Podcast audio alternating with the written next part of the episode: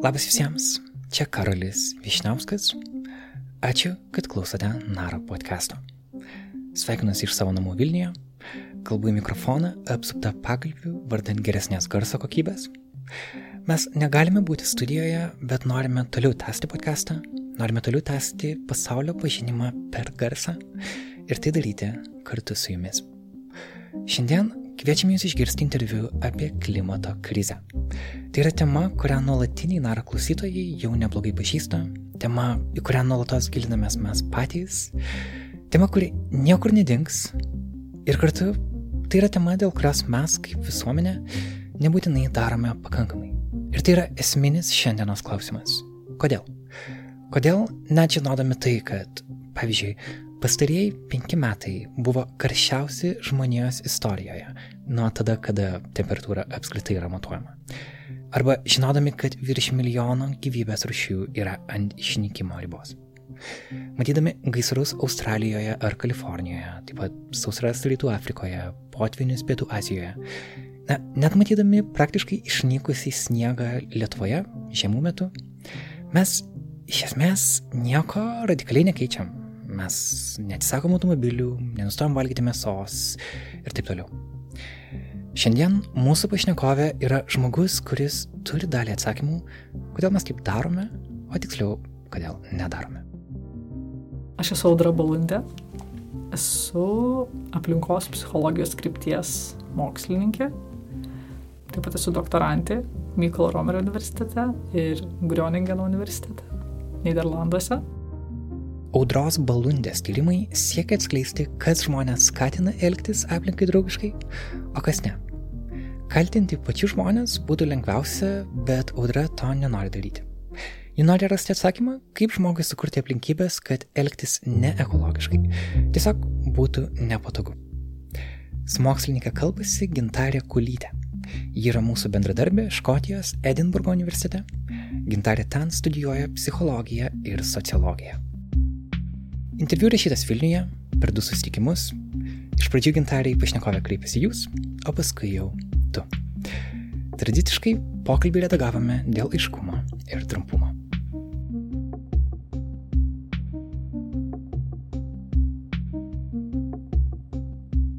Galbūt norėčiau pradėti nuo to, kad žmogus gali elgesį, na, kurti arba konstruoti savo elgesį dviem būdais. Tai vienas, kai mes tiesiog augame ir natūraliai įgyjame tam tikrus įpročius, tiesiog įprantame elgtis tam tikrų būdų, galbūt mus nuo mažens mokė kažko tai daryti ir mes išmokstame tą daryti. O kitas būdas, kai mes e, jau renkamės, kaip elgiamės.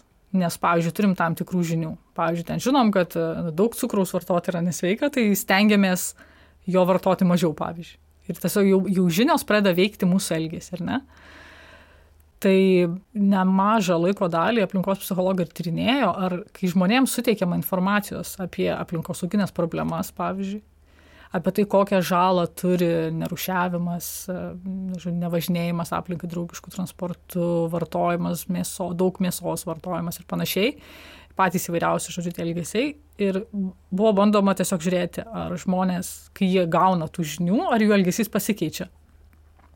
Tai labai įdomu, kad na, dalies žmonių elgesys gali pasikeisti, bet ir labai nemažai daliai žmonių ta informacija gali nu, neturėti jokio, jokio efekto. Ir tada kilo klausimas, tai o kodėl, kai žmonės žino, kodėl jie, kodėl vis dėlto nu, nesielgia, žinodami, kad, kad yra kažkokias tai, žodžiu, neigiamas efektas jų elgesio. Ir tai, žodžiu, tai paskatino tiesiog mokslininkus ieškoti, tai kas tie kiti dalykai, kas dar gali būti svarbu, kad žmonės visgi atsižvelgtų į tas žinias ir, ir žodžiu, keistų savo elgesį. Tai vienas iš tokių veiksnių, kuris yra labai svarbus, kodėl žmonės žinodami nesielgia aplinkai draugiškų būdų, tai yra įpročiai.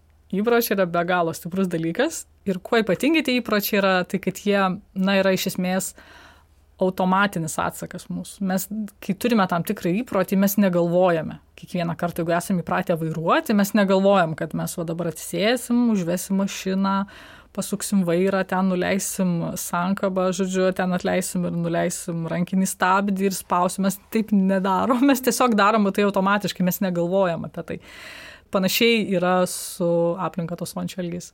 Jeigu mes nesame įpratę kažko tai daryti, pavyzdžiui, elementariausiai rūšiuoti, jeigu nesame įpratę, gali būti labai sunku tai pradėti daryti, nes reikia mokytis iš naujo elgesio. O ypač, jeigu mes to elgesio nuo mažens nesimokėm, irgi labai, labai nelengva. Tai yra įvairiausios na, programos, intervencinės programos arba elgesio pokyčio programos, kai siekiama nuo tam tikros grupės žmonių elgesį, pakeisti labiau draugišką aplinką, bet tai labiau dažniausiai būna kažkokį konkretų elgesį, nes jeigu mes norim pakeisti įpročius, mes turim žinoti, kokius tiksliai įpročius mes norim keisti, mes negalim visų įpročių vienu metu pakeisti. Tai va. E, kitas svarbus dalykas yra įvairios socioekonominės, demografinės charakteristikos. Pavyzdžiui, žmonės gyvenantys, na, skurdžiai, ne? Jiems gali tiesiog nerūpėti tie klausimai, nes jie turi na, kitų uh, problemų, kuries, kurios jiems atrodo na, tikrai daug svarbesnės, nors jos ir yra daug svarbesnės tikriausiai. Galbūt jie neturi galimybės uh, kaip tiesiog galo su galu sudurti ir jiems yra sunku išgyventi, maisto nusipirkti arba moky, vaikams į mokyklą ką nors nupirkti.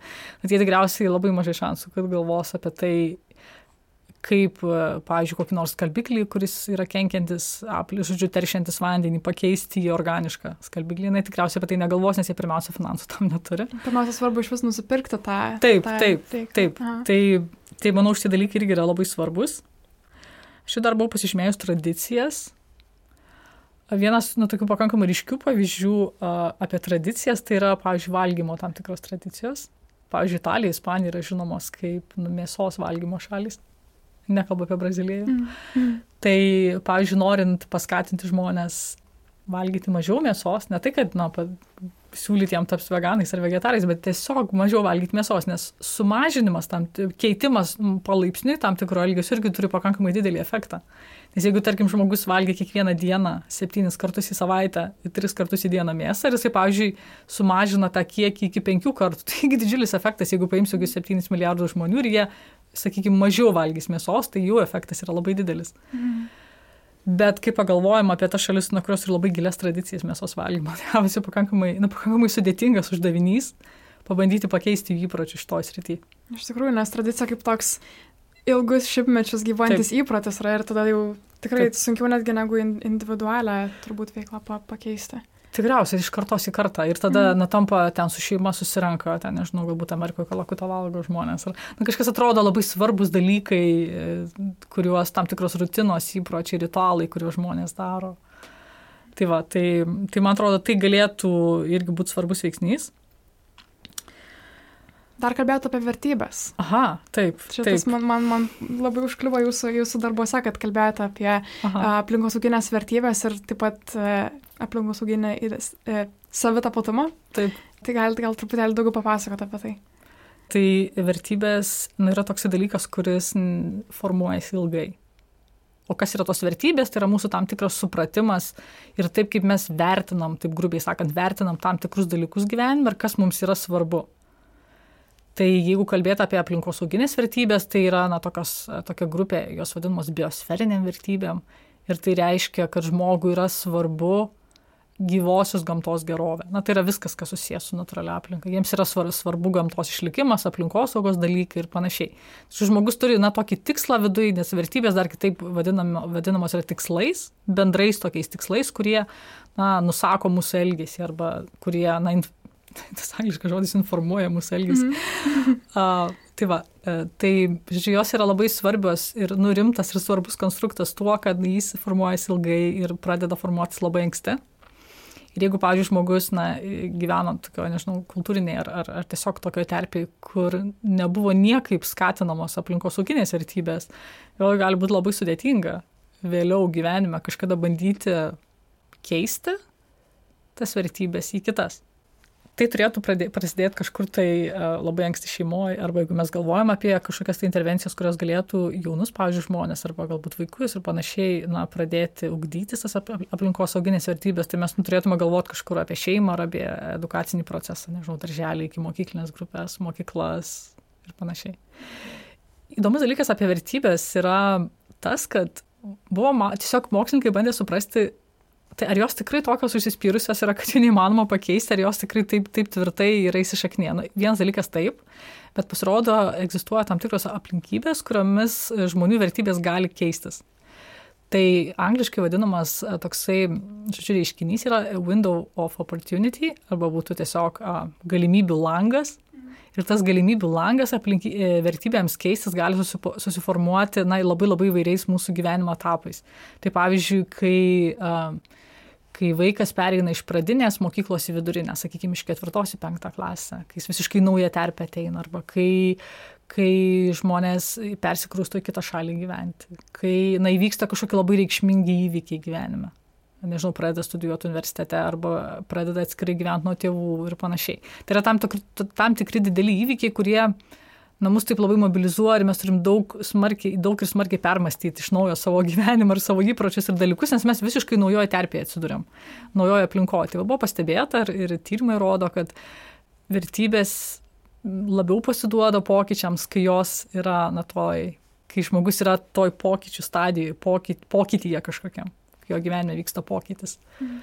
Man labai įdomus pasirodė kartų skirtumas, mhm. uh, kalbant apie klimato krizės reikalus ir tarsi stebint galbūt viešąją erdvę, atrodo, kad klimato kaitos klausimai labiau rūpi jauniems žmonėms, nes jauni žmonės yra tie, kurie galbūt gyvens ateityje ir kurie, kurios uh, tam tikrą procesą labiau paveiks.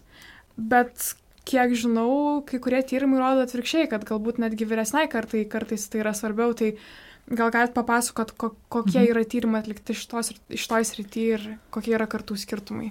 Aha, tai prieš pradedant kalbėti apie tyrimus, aš tiesiog noriu priminti vieną dalyką. yra tokia garsi knyga Silent Spring. Mhm. Jis buvo parašyta labai seniai, pakankamai seniai, mhm. net nepamenu kelintais metais. Ir apskritai aplinkosaugos tie judėjimai, jie prasidėjo pakankamai seniai. Tai manau, tai buvo ta karta, kuri gal sociologų būtų apibrėžiama kaip baby boomers. Tai, na, sakyt, kad vien tik jauni žmonės, na, tiesiog nu, galbūt nebūtų visiškai korektiška. Taip. Bet toks ne... įspūdis susidaro, galbūt, jo, jo, tai tikrai garsiausiai kalba taip, taip, apie tai. Aha. Taip. Tai bet kad jau dirbančių, dirbusių ir dirbančių žmonių, kurie daug metų ir, ir savo visą gyvenimą ar karjerą paskiria aplinkosaugos klausimams, ar klimato kaitos klausimams, tai jų yra, tai, na, aš nebejoju, aš tikrai statistikos negaliu pasakyti, bet nu, galim įsivaizduoti, kad jų pakankamai nemažai, nes mokslininkai, pavyzdžiui, visam pasauliu, kurie jau yra, na, nėra labai jauni, ar ne, tai jie irgi dirbo šitoj srityje ir dirbo pakankamai seniai jau. Bet aš manau, tai gali būti susijęs su Gretos Thunberg efektu, kad, kad tiesiog vat, dabar žiniasklaida labai na, ir pagavus tą žinutę ir eskaluoja labai smarkiai ir na, tikrai gali vien tik žiniasklaida susidaryti įspūdis, kad vien tik jauni žmonės, nors aš manau, kad galbūt jauni žmonės tiesiog turi daugiau energijos ir, ir, ir nežinau, tiesiog elementariai daugiau energijos turi ir, ir galbūt garsiai, garsiau apie tos dalykus kalba. Galbūt dar ir... turi daugiau prieigos prie pačių priemonių, per kurias kalbama yra, nes dažniausiai turbūt, kur mes gaunam naujienas, tai per Facebooką, per mhm. socialinius įvairius tinklus. Aha. Tai galbūt vat, ir dėl to toks įspūdis susidaro, kad jie kalba, bet... Gal, gali būti ir tai, bet nebūtinai. Tiesiog jau taip nutinka, jeigu kažkas labai labai populiaru pasaulyje, tai žiniasklaida pasigauna ir tada jau drasko tą temą iki, žodžiu, iki tol, kol neišsikvėpia ir visiškai, žodžiu, praranda, praranda savo svarbą. Bet e, tai manau, kad su žiniasklaida, su žiniasklaida tai tikrai gali būti susiję. Nes tiesiog jeigu pasižiūri į tyrimus, ką jie rodo, tai tyrimai rodo, kad e, dabar konkrečiai prisimenu porą tyrimų Danijos mokslininkų atliktų Tai ten tiesiog buvo labai, tiesiog labai kon konkretus rezultatas, kad uh, vyresni žmonės, jų na, tos nuostatos aplinkos sauginės buvo stipresnės ir jie labiau elgėsi aplinką draugiškų būdų. Aplinkai draugiškų būdų. Ten, tam, ten buvo tam tikri elgesiai tyrinėti, aš dabar konkrečiai nepamenu, ką jie tiksliai tyrinėjo, bet na, tam, tam tikri, žodžiu, aplinkos sauginiai elgesiai. Na, tokie kaip pavyzdžiui rušiavimas. Kitas tyrimas buvo atliktas man rodos, jeigu neklystu, Olandijoje galbūt, bet, žodžiu, ne, nenoriu priskirti šalies, bet tiksliai dabar atsimenu, irgi buvo tiesiog nustatyta, kad vyresni žmonės tarsi turi stipresnius tuos įsitikinimus aplinkosauginius ir dažniau elgesi aplinkai draugiškų būdų. Lietuvos tyrimo irgi negaliu nepaminėti, kuriame, jo, kuris buvo atliktas mūsų aplinkos psichologijos tyrimų laboratorijoje Mykolo Romerio universitete ir Ir jis irgi parodė, kad vyresnių žmonių biosferinės vertybės arba kitos, tos grubiai tariant, aplinkosauginės vertybės buvo šiek tiek stipresnės nei jų vaikų. Kad jau palėtėm Lietuvos temą, tai gal mhm. galėtume ties ją truputėlį susifokusuoti ir susisiaurinti mūsų uh, požiūrio kampą uh, ir pakalbėti apie Lietuvą konkrečiai, tai toks pradinis klausimas būtų, kiek lietuviams šiandien rūpi klimato kaitos temos, galbūt yra statistikos kažkokios. Jo, tai daugiausiai statistikos žinoma surinkus yra ES institucijos, tai toks klasikinis ir labai paplitęs ir žinomas tyrimas yra Eurobarometras kuris jau, žinokit, net nepasakysiu, kiek metų tiksliai atliekamas, bet metai iš metų, žodžiu, labai panašių klausimų klausinėja žmonių. Tai Eurobarometras rodo 2019 metų duomenimis, kad 72 procentam Lietuvos gyventojų, žodžiu, 72, net 72 procentai Lietuvos gyventojų mano, kad klimato kaita yra rimta problema. Tai aišku, šitas skaičius atrodo daug žadantis ir, ir pakankamai neblogai atrodo visos ES kontekste nes ta proporcija yra pakankamai didelė. Tarkime, ES vidurkis šito klausimu yra 79 procentai. Mhm. Tai mes žemiau vidurkio. Šiek tiek žemiau, mhm. bet nu, tai akivaizdu, kad tikrai labai netoli. Jo, labai nedidelis tas skirtumas. Tai, pavyzdžiui, minimali reikšmė buvo Estijoje ir Latvijoje. Tai Latvija, Latviams ir Estams e, jų buvo skaičius vienodas, 59 procentam Latvijų ir Estų, žodžiu, klimato kaita atrodo rimta problema. Tai yra žymiai, na, ženkliai mažesnis skaičius nei Lietuvoje. Ir tada maksimali reikšmė tai buvo Maltoje. 92 procentai Maltos gyventojų mano, kad klimato kaita yra svarbi problema. Na, Lietuva tam kontekste, na, atrodo pakankamai gerai, bet vėlgi yra tas klausimas toksai labai svarbus. Um, Kiek... Tai ar jie elgesi taip, kaip jie A, mano, kiek... ar taip, kaip jie jaučia, žodžiu, apie tą klimato kaitą. Mm. Dar manau, kalbant apie Lietuvą, yra svarbu paliesti kitą temą, tai yra istorija jos ir įdėti Lietuvą į postsovietinių valstybių kontekstą ir kaip galbūt kokie kokie yra padariniai tokios istorijos visose posovietinėse valstybėse ir kaip tai lemia ekologinės krizės problemų sprendimą ir žmonių požiūrius į tai. Mhm. Taip labai tokios konkrečios sąsajos ar paralelės na, negalėčiau konkrečiai tyrimais remiantis išvesti, bet ką... Labai, labai įdomu, kai jūs paminėjot, kad Estijoje ir Latvijoje labai skiriasi Taip. požiūriai nuo, nuo lietuvių, tai tas taip. turbūt sako, kad negalima kažkokių visiškai vienareišmiškų paralelių vesti. Taip, taip, tikrai taip, tikrai mhm. Bet visgi yra toks įdomus momentas apie tas postsocialistinės vadinamasias šalis, tai kad juose vyrauja ir tyrimai, man atrodo, vėlgi ta, tas pats tyrimas European Social Value Survey, jeigu aš teisingai prisimenu tą pavadinimą tyrimo, tai, žodžiu, metų iš metų jau tai rodo, kad postsocialistinėse valstybėse yra labai stiprios materialistinės vertybės. O ką reiškia tos materialistinės vertybės? Tai reiškia, kad žmonėm rūpi uh, nu, tie daiktiniai dalykai, labiau rūpi turėti, na, pavyzdžiui, gerą darbą, mažiau rūpi saviraiškos dalykai.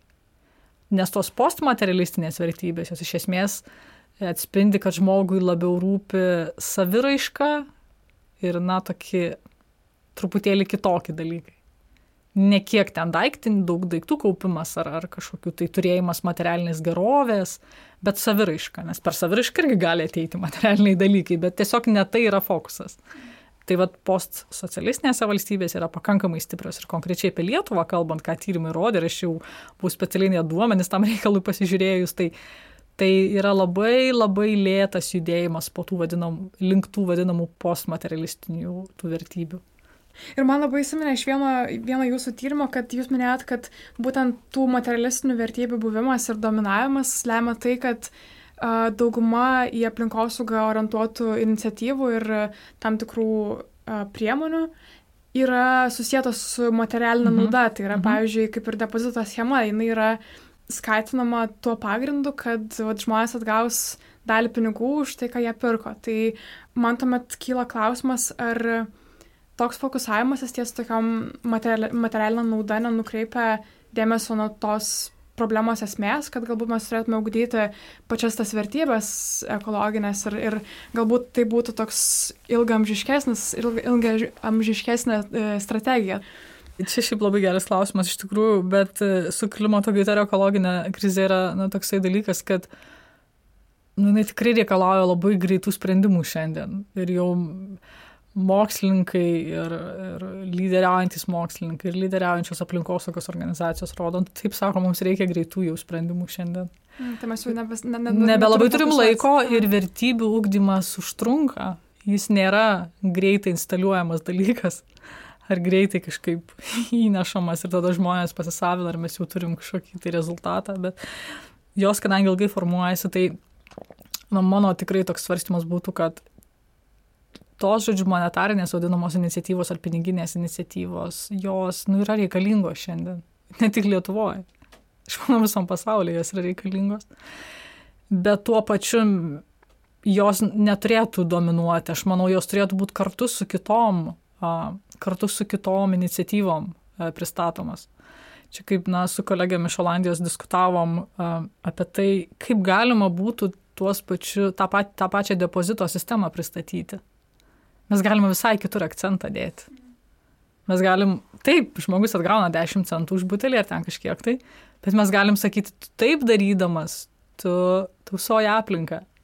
Bet dažniausiai taip nesakoma. Aš tiesiog specialiai stebėjau kažkada, e, gal ir, gal ir kitose pasaulio šalyse taip yra, aš nežinau, bet Lietuvoje aš būtent stebėjau, ar, ar yra kur nors tas akcentas uždedama. Nu, Paskui po kažkiek jau laiko pradėjau matyti, kad jų yra pridedama. Ten rušiuoji ar ten gražini, tai tausoji gamtą, bet pati pirma kaip iniciatyva buvo, tai aš negirdėjau to, nes dažniausiai, kai va tokį dalyką įdėgia kartu su jo įdėgymu, galima ir kažkokią bendrą, na, paleisti, nežinau, informacinę kažkokią kampaniją, kur žmonėm yra paaiškinama, koks yra tikslas.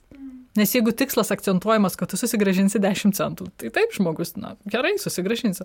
Bet jeigu tu tik tarp kitko pasakysi, nu, beje, jūs dar susigražinsi 10 centų, po to jau, kai ten atliksi tą visą aplinkos išsaugojimo aktą. Tai, tai yra skirtumas labai, ką mes akcentuojam su tą pačia priemonė. Tai mes aišku galim ir visokių kitokių ten tų, žodžiu, priemonių taikyti, bet jeigu mes dabar mums greitai kažko reikia, greito efekto, ar ne, pasiekti žmonės mažiau šiukšlintų, mažiau tų šiukšlių, žodžiu, į gamtą jų patektų, daugiau patektų į rušiavimo kažkokias tai sistemas, tai tiesiog, nu, neišvengiamai tenka imtis tų tokių, na, vat, tokių būtent priemonių. Bet greta to galima ir, ir, ir dar įvairias variacijas daryti, bet klausimas, na, kas yra daroma.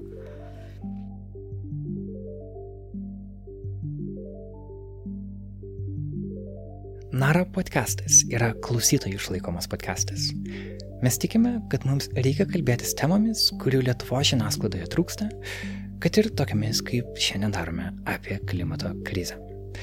Ir mums gerai jausti, kad jūs šį darbą palaikote ir finansiškai. Tam mes naudojame Patreon platformą, Patreon. Ji yra saugi ir patikima ir daugelio jūsų turbūt jau pamėgta. Mūsų adresas ten yra patreon.com slash naralt kaip vienas žodis.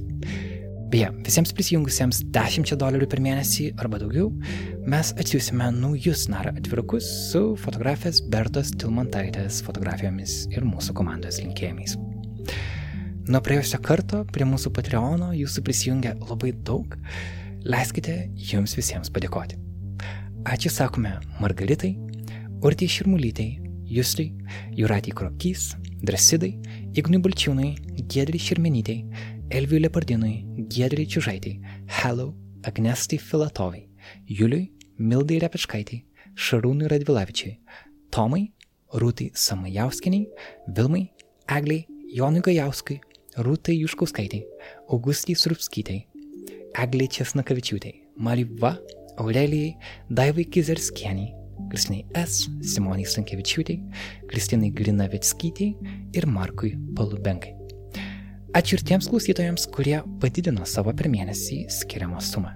Tai yra Augustinas Lapinskas, Eglė Olyvi, Rūta Paškevičiūtė, Eglė Vandenio, Viktoras Bachmetjevas, Rasa Markauskaitė, Miklė Gedminė, Vienok LT ir Julija Černišova.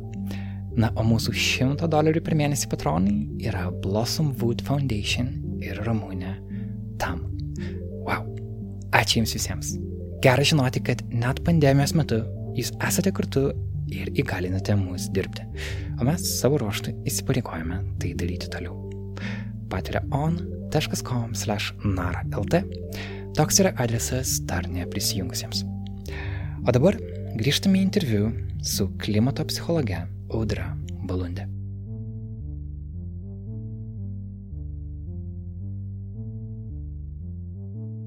Verta pakalbėti apie pasitikėjimą ir klimato kaitą. Tai yra tikrai labai susiję du dalykai. Tai gal galėtum papasakot, kokio tipo pasitikėjimas ir kaip jisai lemia mhm. mūsų suvokimą klimato kaitos. Na, pirmas dalykas, kuris šauna į galvą, tai, tai prisimenu tokį tyrimą, kur, kur tyrinėjo, kaip žmonės reaguoja, kai juos įtraukia arba neįtraukia į bendruomenę, bendruomenę kažkokią dėgiamą inovaciją. Na, pavyzdžiui, bando įdėkti ten tas vėjo jėgainės ar ne, arba kažkokius tam tikras technologijas, kurios padėtų, na, labiau tausoti gamtą, sakykime. Ir buvo labai įdomu, kad tie žmonės, kurie buvo realiai įtraukti į procesą, jie tikrai realiai galėjo realius sprendimus tuose projektuose atlikti, nors tie projektai buvo e, inicijuoti verslo, jie nebuvo valstybiniai ar, nežinau, ten kažkokie tai ten, kur galbūt žmonės tarsi daugiau atrodo turėtų galios bendruomenė. Ten buvo verslo organizacijos, kurios tiesiog suteikė tam objekte žmonėms, nes ten buvo šalia bendruomenės, kurios gyveno, šalia, to, pro, na, šalia tos vietos, kur tas projektas buvo gyvendinamas, jie turėjo realų poveikį galėjo padaryti. Ir buvo panaši bendruomenė kitam regione parinkta, kurie niekaip negalėjo prisidėti. Buvo kaip toks a, lauko eksperimentas, faktiškai. Mm -hmm. Natūralus, nu, ne natūralus, bet lauko toks eksperimentas. Tai kvazis, gal galima sakyti. Ir, tai ir jie sakykim niekaip neprisidėjo bet toks pat projektas buvo vykdomas. Tai tie kurie negalėjo niekaip prisidėti prie sprendimų priėmimo na tarkim ten nežinau spalvos rinktis ar nuspręsti kokiu atstumu bus kas. Tiesiog realiai daryt poveikį to projekto raidai žodžiu kaip ten bus tie pavyzdžiui vėjo jėgainės įstatytos ar kokio jos aukščio bus ir panašiai. Tai jie mažiau pasitikėjo arba tiesiog labai mažą pasitikėjimą turėjo. Tai jeigu žmonės negali įsitraukti į procesus ir nežino kas vyksta arba į sprendimų procesą tai tiesiog mažiau pasitikė tuo arba iš vis nepasitikė. Mhm, mhm. Ir kitas dalykas, kalbant apie pasitikėjimą, jeigu dabar tiesiog nuo tokio labai specifinio pavyzdžio perėti prie kažkokio bendresnio, kaip tarkim būna um, sugalvoja galbūt, nežinau, vyriausybės paskatintos kokiu nors organizacijų aplinkosauginių, uh, na kažkokį tai, nežinau, tokį visuomeninį projektą bendrai gyvendinti, kaip tarkim, na, ten nužaut automobilių taršos mokestis koks nors, ar ne? Tai čia iš to vietą, aišku, būtų sunku juos įtraukti tokius didelius, na, tokius kaip įstatymų prieimimas ir panašiai, galbūt sudėtinga būtų, na, tiesiog visus norinčius taip, įtraukti taip. tą procesą, bet yra kitas momentas, žmonės dažnai jaučia tą tokį, tokį pagal nutilėjimą, tas by default, žodis, mm. tokį nepasitikėjimą, kad vieni, vienus e, tai paveiks labiau žmonės, o kitus mažiau. Galbūt tie, kurie ten turi automobilį ir labai sunkiai verčiasi ir sunkiai ekonominė padėtis, tai jiem ir tai bus dar sunkiau, nes jie dar turės mokestį kažkokį mokėti, o galbūt ten galo su galu jam reikia sudurti ir kad jis tas automobilis yra jo duona tiesiog kasdieninė. Mhm. Bet yra žmonių, kurie, na, tas žmogelis žino, kad yra žmonių, kurie, na, tiesiog jam tas taršos mokestis nieko nereiškia, jis važinėja su sportiniu automobiliu ir toliau sėkmingai tą darys ir jam nesvarbu, koks tas taršos mokestis. Tai e, tas, man atrodo, terminas angliškai vadinasi fairness of distribution. -hmm. Tai tiesiog kaip sąžiningai tai paveiks visą populaciją ir apie klimato kaitos įvairias jos sprendimus žmonės panašiai gali galvoti. Tai kaip bus dabar, jeigu čia kažkokius mokesčius naujus įves, arba mhm. kaip čia bus, ar čia tik man blogai bus, tikriausiai tie, kurie yra labiau pasiturintys, galbūt jiem geriau viskas seksis, galbūt jiem lengviau tiesiog bus kažką įgyvendinti, arba ten kažkokie mokesčiai, nežinau, na, už bet ką galime įsivaizduoti kokius nors e, būstus, kurie ten nerenovuoti ir irgi ten kažkaip tą elektro, e, būtent šilumą išspinduliuoja, galbūt jeigu ten kažkokios būtų baudos, įsivaizduokim tokį hipotetinį projektą ar ne. Tai tiesiog žmonės, na tada, jeigu jaučia, kad skirtingai, vat Lietuvoje, bus skirtingai paveikti to kažkokio tai žalio ten projekto, tai irgi labai, na, mažas, pas, žemas pasitikėjimo lygis. Mm. Čia galbūt dar susisiekia ir apskritai su reputacija prieš tai buvusių intervencijų, nes, pavyzdžiui, man ką dabar prisiminiau, tai uh, tas toks klasikinis, vėlgi, kalbant apie rušiavimą, tai man labai įsiminė tai, kad e, vienas iš argumentų, kodėl, tarkim, nerušiuoti, buvo tai, kad na juk vis tiek viskas sumeta į vienas Viena, tas taip. mašinas. Aš net nežinau, ko, kas čia tiksliai buvo šitoj situacijai, bet aš pati esu mačius, kaip tos pilotus konteinerius sumeta į vieną tiesiog mašiną. Nežinau, galbūt tas ir gerai, yra gerai, aš tiesiog faktiškai nesu tikra, ar galiu gilintis tą situaciją, bet faktas, kad žmonių pasitikėjimą ir galbūt reputaciją tam tikrų um, intervencijų tai paveikia. Tai turbūt yra svarbu, kad jeigu jau kažką darom, tai tikrai turėtume būti įsitikinę, kad tai veiks ar tikrai švariai. Jo, jo, tai čia dabar apie ką pati kalbėti yra uh, skaidrumo momentas. Mm -hmm. Jeigu visuomenė yra skaidriai pristatomi visi procesai, nuo iki ir paaiškinama, nes tai tada žmonėms yra lengviau suprasti ir pasitikėti. Nu, bet, nežinau, mano asmeninis patyrimas yra toksai, kad jau visuomeniai seniai šitas klausimas klando, tai ką ten su tam šiukšliam daro? Mane žmonės pastaruoju metu atakuoja, kolegos ypač, tai, o audra, ką tenais, da, ar jas tikrai ten po to išrušiuoja? Aš kadangi nesu ekspertė šitų sričių, aš mažai ką galiu komentuoti, bet aš tikrai galiu aiškiai pasakyti, kad, jokios, kad aiškios komunikacijos visuomenė apie tai nėra, nors jų visuomenė tiesiog, mm, tiesiog kunkuliuoja visi. Tai kaip čia yra su to rušiavimu, kodėl dabar čia viską į vienus konteinerius ten mes reikia, nu, ten yra kažkokia nauja sistema dabar, kur plastikas, popierius ir metalas į vieną eina kartu.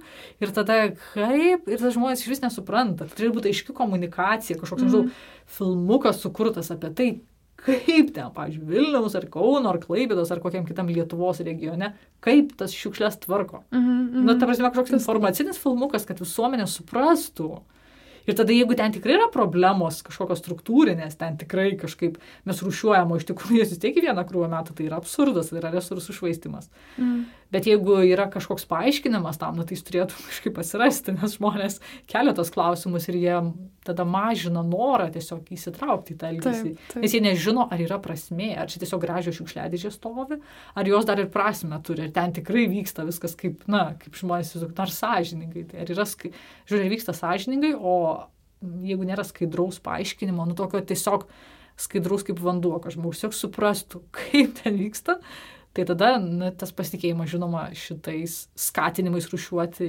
jisai tikrai nedidėja tas pasitikėjimas. Taip, taip. Dar kitas, trumpai kitas dar momentas su tuo susijęs yra, kad e, jeigu žmonės vis mato, kad, na, vat, kaip ir pati minėjai, reputacija bloga projektų, neaišku, kaip ten, kaip ten iš tikrųjų vyksta, nėra aiškus procesas, tai tada tiesiog gali ir kilti tas nusivylimas ir tiesiog ne, nebus noro įsitraukti daugiau elgesių, nes, na, čia neaišku, tai ir ten turbūt tie aplinkosaugininkai, ten ne, neapsisprendžia, kaip čia ką reikia daryti.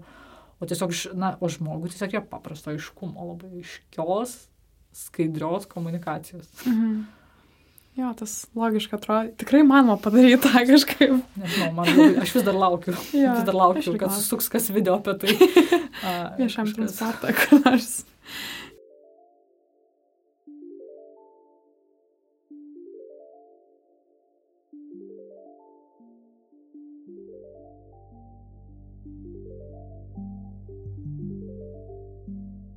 Labai svarbu yra paliesti um, tikslų temą ir man Taip. atrodo labai dažnai žmonės gali turėti labai daug tikslų ir kai kurie iš tų tikslų kertasi, tarkim. Taip. Ir kažkaip atrodo, kad dažnai tokie ekologiškesni elgesiai eina prieš tam tikrus tikslus, taip, kuriuos mes taip. turim.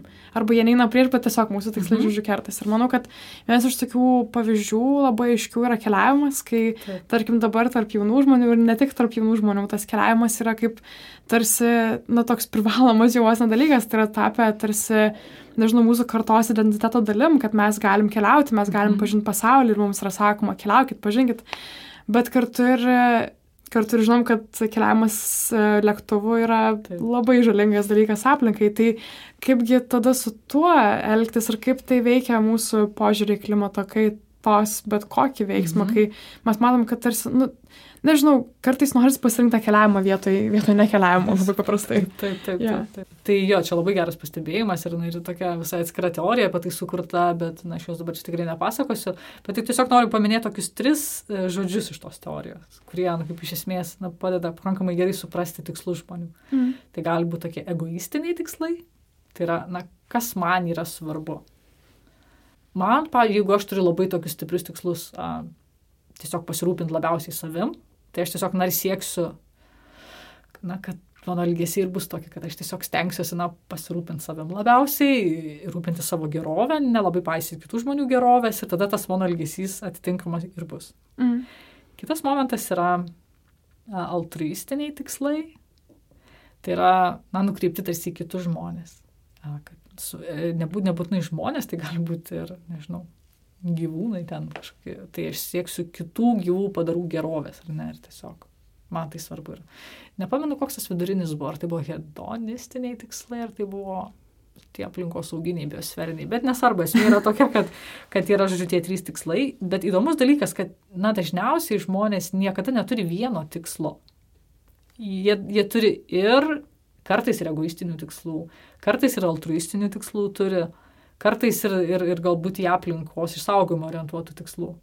Bet įdomumas yra tas, kad na, tie tikslai jie konkuruoja tarpusavyje. Čia gan sudėtinga dabar tą mechanizmą paaiškinti, bet mm. jeigu paprastai kalbant, kad aš galiu turėti tikslą galbūt tiesiog signalizuoti savo statusą kažkokį, galbūt aš neturiu tokį egoistinį tikslą ar noriu, kad mane, mane labai mėgtų ir, ir visuomenė kažkaip atkreiptų dėmesį į mane. Ir tai gali būti visiškai egoistinis tikslas. Bet jeigu aš, na, įsivaizduokime, aš esu tas, na, egoistas kažkoks tai hipotetinis ir, ir man yra labai svarbu visuomenės dėmesys ir staigiai visuomeniai yra atsiradęs poreikis aplinkos tausojimui, tai tikriausiai, kad aš darysiu kažką, kad atkreipčiau kitų dėmesį ir aš tausosiu aplinką, na, sakykim. Mhm.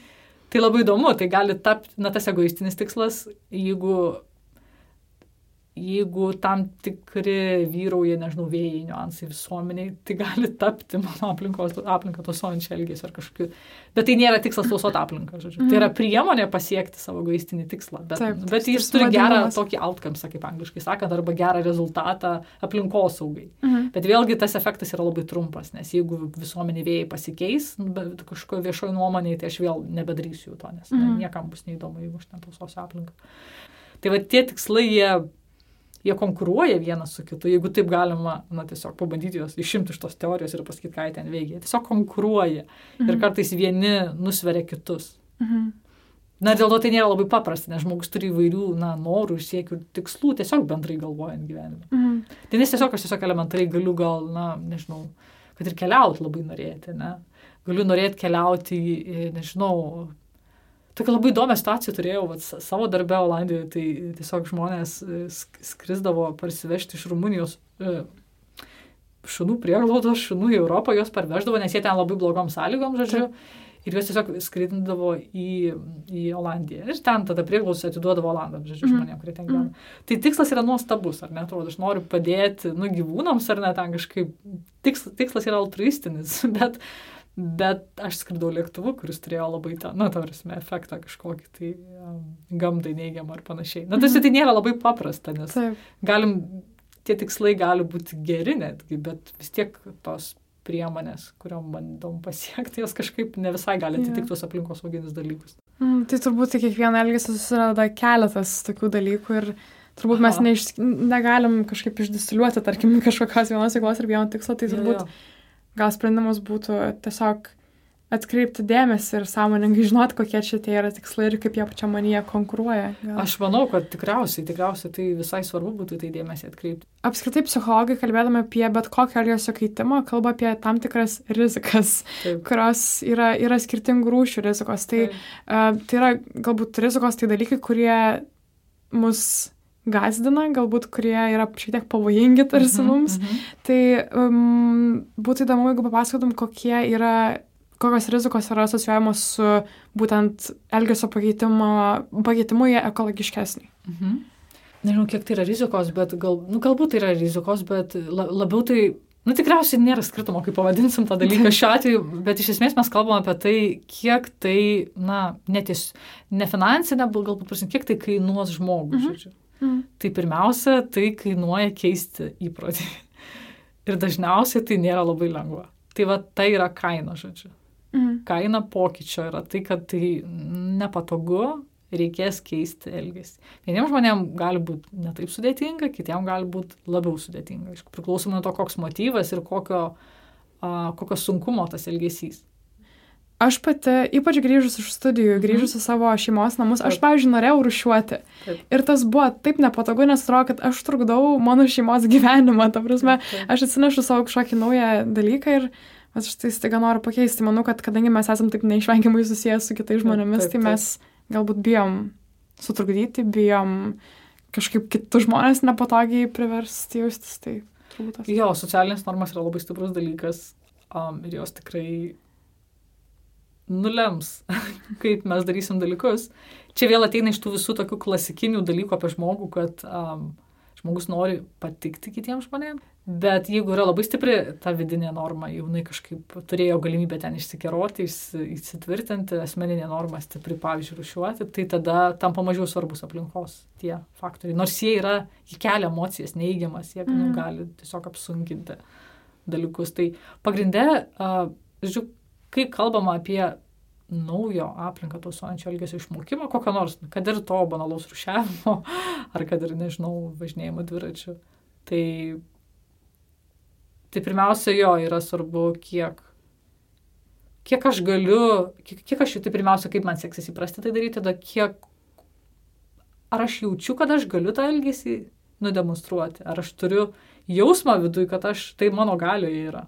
Aš, pavyzdžiui, tokį neseną patyrimą turiu, nusipirkau dviratį ir, ir na, aš jaučiu, kad pakankamai mano gyvenime daug įvairiausių tų elgesių yra, tas, kad aš stengiuosi na, tausoti gamtą pačiais įvairiausiais kanalais ir būdais.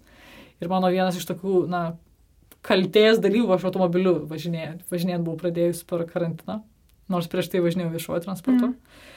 Ir velnės, nu kažkaip reikia šitą sulaužyti, gal vis, jau atrodo viską, ką galėjau, bet šito niekaip.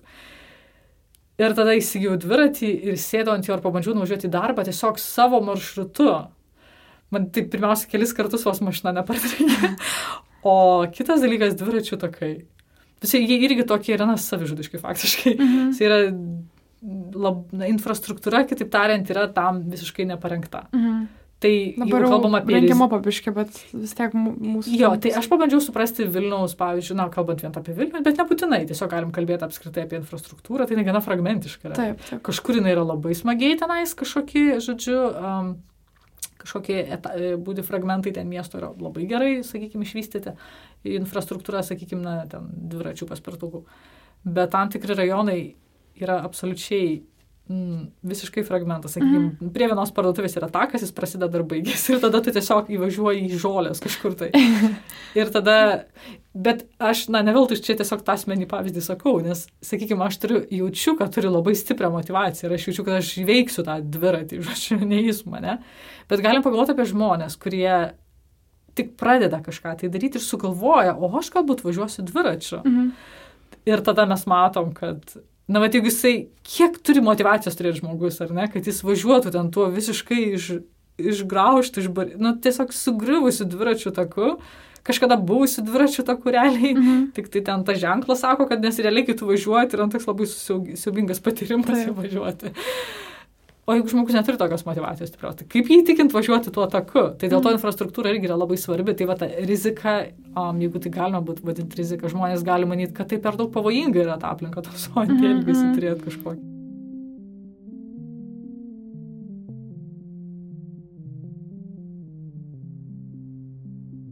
Naro žurnalistikoje mes keliame savo tikslą ne tik konstatuoti problemą, bet ir bandyti rasti atsakymų.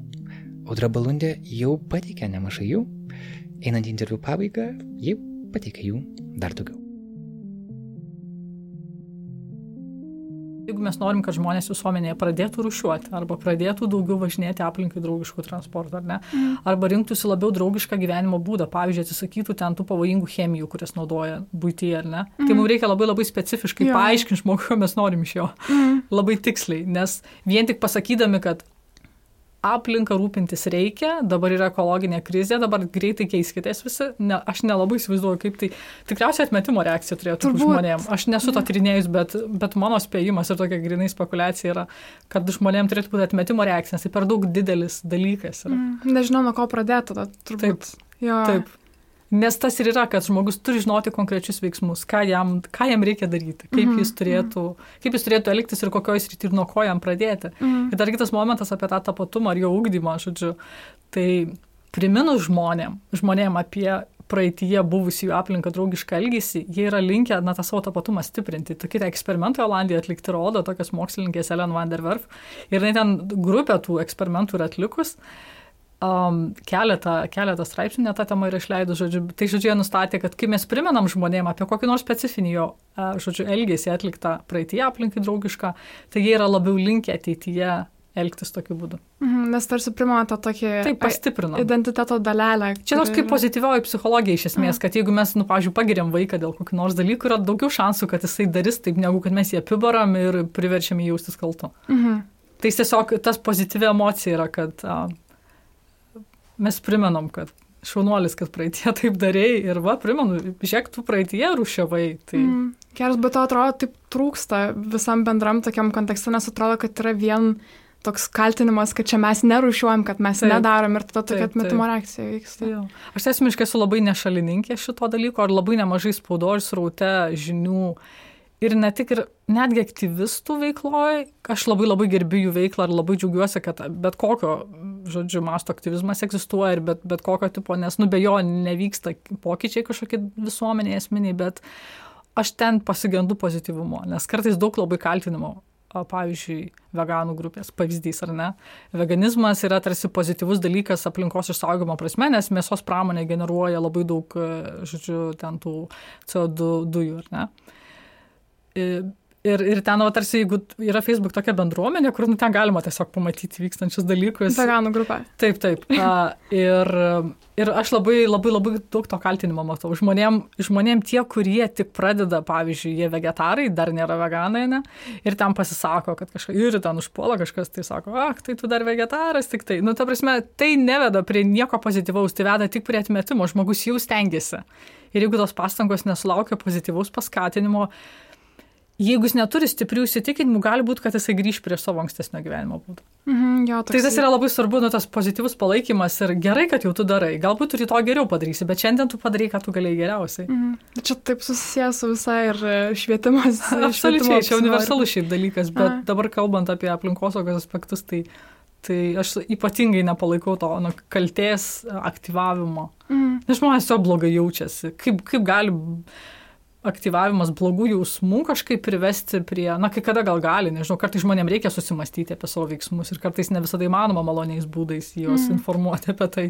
Bet jeigu jau kalbam tiesiog apie kažkokias intervencijas ir kad mes siekiam skatinti aplinkai draugišką elgesį, tai, na, manau, pradžioje reikia išbandyti šitą pozityvą. Jeigu neveikia, tai galbūt ieškoti kitų kelių. Tai. A, o dabar toks jau lengalo klausimas, turbūt uh, apibendrinant mūsų visą pokalbį, tai mes um, minėjom tą visgi, nors yra iniciatyva, bet visgi yra tas toks fragmentiškumas visų sprendimo iniciatyvų. Uh, ir taip pat minėjom labai daug skirtingų veiksnių, kurie lemia žmonių įsitraukimą. Tai uh, man kėl toks negatyvesnis truputėlį klausimas, kai yra tiek daug įvairių faktorių, kurie lemia žmogaus požiūrį ir veiksmus svarbiausia.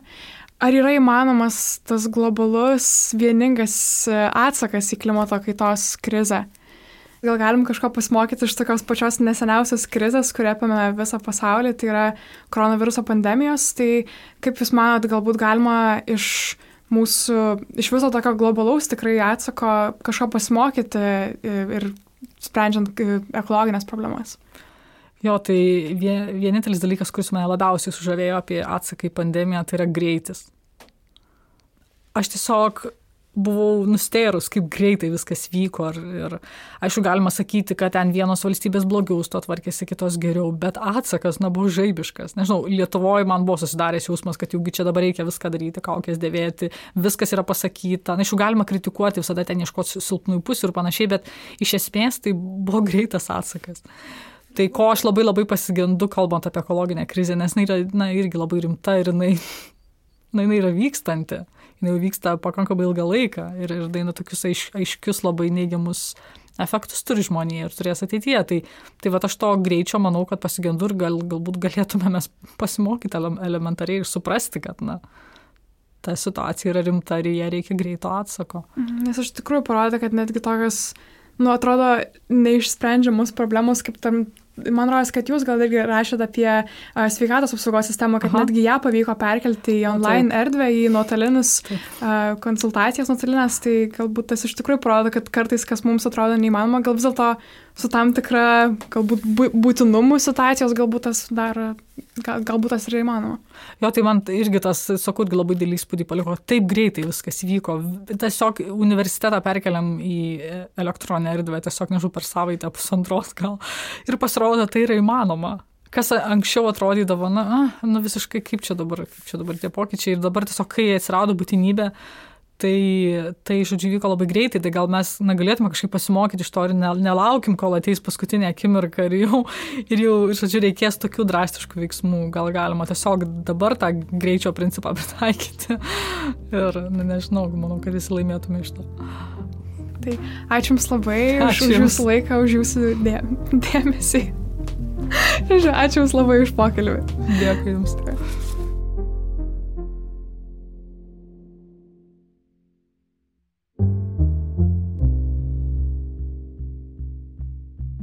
Toks mūsų epizodas šiandien. Ačiū, kad buvote kartu. Girdėjote interviu su aplinkos psichologe Audra Balundė. Su ja kalbėjusi mūsų bendradarbė Edinburgo universiteto psichologijos ir sociologijos studentė Gintarė Kulytė. Interviu rašytas Vilniuje, nacionalinės Martino Mažvido bibliotekos garso įrašų studijoje, taip pat lyta dar prieš karantiną. Garso režisierė čia yra Kata Bitoft. Naro podcast'o muzikos autorius yra Martinas Gailius. Šį interviu redagavome ir montavome Gintarė Kulytė ir aš Karolis Vyšniauskas. Primenu, kad Nordens Nara yra ne tik podcastas, bet ir pilnavertis tinklalapis su tekstais. Pavyzdžiui, šią savaitę publikavome daktarės Elenos Lazutkaitės tekstą apie maisto ateitį ir vertikalę žemdirbystę. Kodėl visiškai realu, kad greitoje ateityje mes auginsime maistą savo namuose ar netgi prekybos centruose po tomis ryškiamis baltomis lempomis, kad galbūt tai yra atsakymas į potencialią maisto krizę pasaulyje elementariai augant žmonių kiekiui. Šį tekstą, kaip ir daugelį kitų dabartį analizuojančių medžiagų, rasite tinklalapyje nara.lt. Tiek šį kartą, ačiū, kad esate kartu, likite sveiki ir saugokite kitus. Iki greito.